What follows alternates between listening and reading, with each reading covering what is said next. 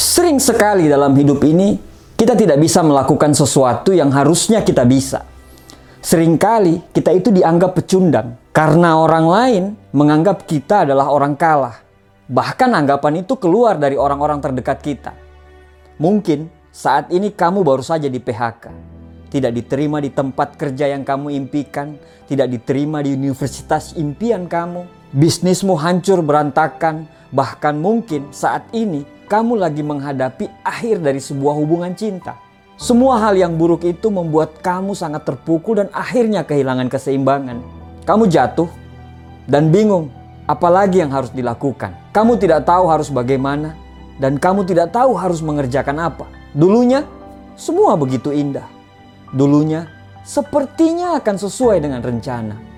Dulunya kamu berpikir bahwa semua akan baik-baik saja. Tapi ternyata ekspektasi tidak sesuai dengan realita. Ternyata sekarang semuanya menjadi semu. Semua menjadi kabur. Pelangi yang tadinya mulai kelihatan sekejap berganti dengan hujan dan badai. Gelapnya malam terasa begitu lama untuk menuju pagi yang begitu terang. Sepertinya semua akan selesai. Keberuntungan itu terasa makin menjauh. Dadamu terasa sesak karena menahan kesakitan yang teramat dalam.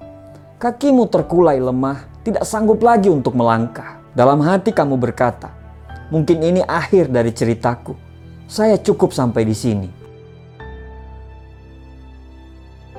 Cobalah berhenti sejenak. Cobalah renungkan apa yang lagi terjadi. Kawan, yang terjadi, biarlah terjadi. Marah, kecewa, dan putus asa itu pasti, tapi tetap tidak akan bisa merubah masa lalu, tidak akan bisa merubah semua yang terjadi. Sekarang, apakah kita terus membiarkan diri kita terbelenggu terhadap semua kesakitan yang kita alami? Apakah kita harus terus menangis? Apakah kita akan terus protes dan mengatakan bahwa Tuhan itu tidak adil? Sekali lagi, apakah itu bisa merubah masa lalu? Apakah itu bisa merubah semua yang terjadi? Kita tidak bisa menebak ke mana arah angin akan bertiup. Tapi kita bisa merubah arah layar kita untuk tetap berlayar ke arah yang kita tuju. Sama halnya dengan masa lalu. Kita tidak bisa merubah masa lalu. Tapi masa depan kita tidak tergantung pada masa lalu kita. Apa yang akan kita ceritakan kepada anak cucu kita nanti? Cerita tentang kesedihan dan kegagalan? Atau kita akan cerita tentang kegigihan kita saat berjuang menghadapi masalah? Mau hidup selamanya sebagai seorang pecundang? atau bangkit sebagai pemenang, itu semua tergantung dari kita saat ini. Satu kata, bangkit dan pulihkan percaya dirimu. Tidak ada pemenang yang dilahirkan dari proses yang menyenangkan.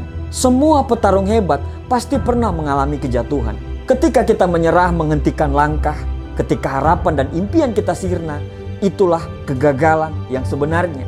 Kegagalan hanyalah kesempatan lain untuk memulai lagi dengan lebih hebat.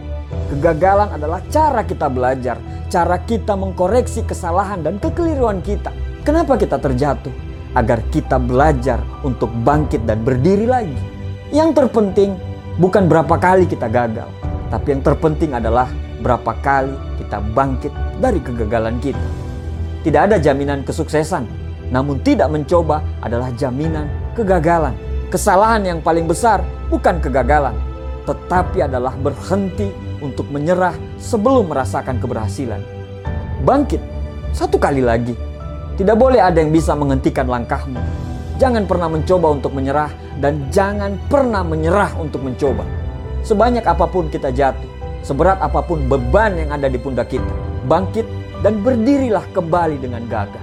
Karena masa depan adalah milik orang-orang yang mau terus berjuang seberat apa pun tantangannya. Insya Allah, kamu pasti bisa melaluinya. Karena Tuhan tidak pernah meninggalkan kita. Terima kasih.